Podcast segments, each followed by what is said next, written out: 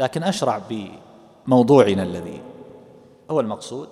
فأذكر أول ما أذكر من هذه المعالم العشر أن هذا الحفظ أيها الأحبة يتطلب جهدا كبيرا في أوله حينما يتحفظ الإنسان وجلوسا وأوقات كما أنه يتطلب أيضا جهدا لا يقل عن الجهد الأول عبر الأيام والسنين لأن الإنسان لا بد أن يذاكره وأن يراجعه وإلا نسيه. فهذا العمل وأي عمل يقضي به الإنسان أوقاتا متطاولة لا ينبغي أن يضيع سدى وأن يذهب هباء أو أن يكون سببا لدخول النار كأن يكون لصاحبه قصد سيء من رياء وسمعة. وتعرفون الحديث في أول من تسعر بهم النار يوم القيامة. ومنهم الرجل الذي تعلم العلم أو قرأ القرآن ليقال قارئ فهذا يدخل قبل الزاني والسارق وشارب الخمر جهد كبير وعناء وحبس للنفس عن كثير من مشتهياتها. لا ينبغي أن يضيع وأن يفوت ثم يحصل من جرائه مع العنت الذي يلقاه الإنسان في الدنيا يحصل عنت آخر في الآخرة. فالنية إنما الأعمال بالنيات ليكن للإنسان نية في كل أمر يلج فيه. الأمر الثاني من هذه المعالم أذكر فيه عشرة أمور تعينك على الحفظ. ايا كان هذا الحفظ سواء كان حفظ القرآن أو حفظ السنة أو حفظ المتون العلمية عشرة أمور. الأمر الأول أن تراعى أحوال الذهن.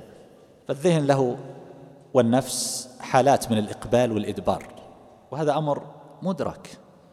حتى في القضايا النفسية من الحزن والكآبة والارتقاء وإشراق النفس حينما يحلق الإنسان عاليا في بعض الأوقات هي مثل ما يضعون في الرسم البياني. هكذا. النفس أحيانا تهبط واحيانا ترتفع. أحيانا لا يستطيع أن يقرأ مطوية. واحيانا يريد أن يلتهم المجلدات. فهذه الأحوال تمر على النفس والأوقات تتفاوت. فحينما يكون الذهن مكدودا مجهدا فإنه لا يصلح للحفظ. ولذلك في الأيام الماضية هذه أيام الاختبارات تأتي رسائل من بعض الإخوان. بعضهم يقول أنا متفوق في دراستي بحيث دائما أحصل المعدل الكامل. يعني بعضهم أربعة من أربعة. فيرسل أحيانا رسالة في أيام الاختبارات ويقول أنا الآن لا أستطيع أن أقرأ شيئا فيطلب الدعاء من هذا أو هذا. يقول متوقف. لماذا؟ هو لربما بعضهم يبكي يظن أنه أصابه شيء والواقع أنه ما أصابه شيء لكن هذا أمر يحصل للنفس حتى إن من لطف الله عز وجل بالإنسان أنه إذا غلبه الإجهاد والتعب أو الألم والمرض انفصل عنه العقل فأغمي عليه وغيب. فلا يشعر بالالام هذا من لطف الله عز وجل. هكذا الذهن إذا أجهد فإنه لا يحتمل. إذا كان الإنسان مشغولا مشوشا لعارض من حزن أو فرح أو نحو ذلك فإنه لا يكون مهيئا للحفظ.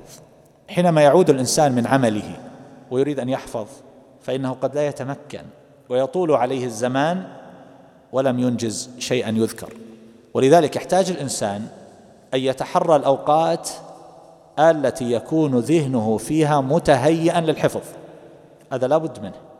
وأن يتحرى الأوقات والأمكنة التي تقل فيها الصوارف والشواغل والمشوشات. ما يحفظ في مكان في دكان في السوق أو يحفظ كما يقال في أماكن الأنهار وما إلى ذلك من أو أصوات مزعجة أصوات السيارات أو نحو ذلك. وهذا أمر بين وقد ذكره أهل العلم في كتبهم وشرحوه ونبهوا عليه وذكروا الأوقات التي يحسن فيها الحفظ والأوقات التي يحسن فيها المراجعة والأوقات التي يحسن فيها الفهم. كما يقول الخطيب البغدادي رحمه الله أجود الأوقات الأسحار يعني للحفظ ثم بعدها وقت انتصاف النهار وبعد ذلك ذكر أول النهار وقال إن حفظ الليل أصلح من حفظ النهار. وذكر أماكن الحفظ أن الغرف العلوية أفضل من السفلية. وهكذا في كل مكان بعيد عما يلهي ويشوش الأذهان. ونهوا المتحفظ أن يحفظ بحضرة النبات والخضرة. وهذا يقول يقال أيضا لمن يريد أن يحفظ القرآن أو يقال لمن أيضا يريد أن يفهم في دراسة أو نحو ذلك. أنت بحاجة إلى أن تجمع الذهن ولهذا فإن المجربين يقولون كلما كان المكان ليس فيه ما يشوش فهذا أفضل وكلما كان أضيق فهو أدعى إلى الحفظ. ولهذا بالإمكان أن يقترب الإنسان جدا من الجدار لتكون المساحة التي تراها العين ضئيلة لأن العين تصب في القلب المشاهد التي تراها والقلب هو محل الحفظ فيحصل له تشويش وانشغال.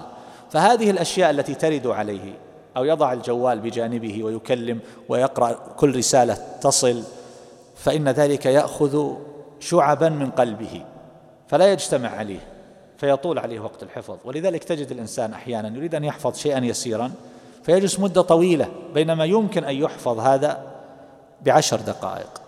بل ربما يريد الإنسان أن يقرأ صفحة واحدة ويجلس مدة طويلة من الزمن. وإذا نظر يجد كأنه لم يقرأ الأسطر الأولى فيرجع. وثانية وثالثة. لماذا؟ لأنه في مكان غير مهيأ. يجلس في الصالة مع من حوله مع أهله ويسمع بأذن الحديث وينظر بعين إلى الكتاب ولا يحصل له كبير مطلوب. وهكذا قالوا بأن أوقات الجوع أفضل من أوقات الشبع. كما ذكر ابن جماعة أيضا أن أفضل الأوقات للحفظ الأسحار وللبحث الأبكار وللكتابة وسط النهار وللمطالعة والمذاكرة الليل.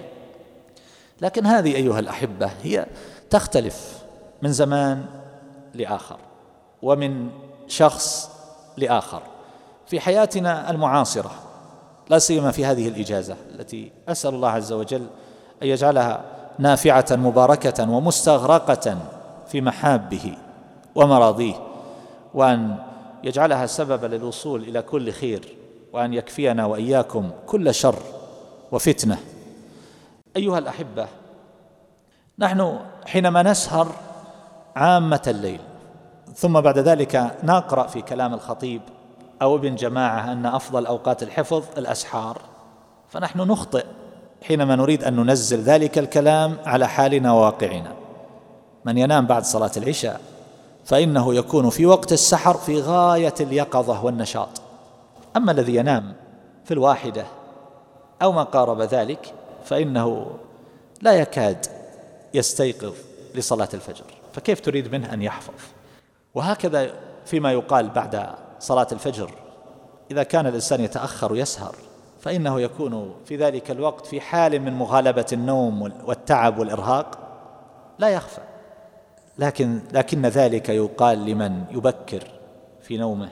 وأظن أن وقت الأسحار في زمانهم يشبه وقت الظهر في زماننا في الإجازات. لأن كثيرا من الطلاب إنما يصحو وقت الظهر فيكون ذهنه في هذا الوقت بغاية الصفاء. وهكذا تتقلب الأمور تتغير الأحوال بحسب ما نزاوله من أعمال وحسب ما يطرأ علينا من أحوال وأمور. على كل حال كل إنسان أدرى بحاله وما يصلح لمثله.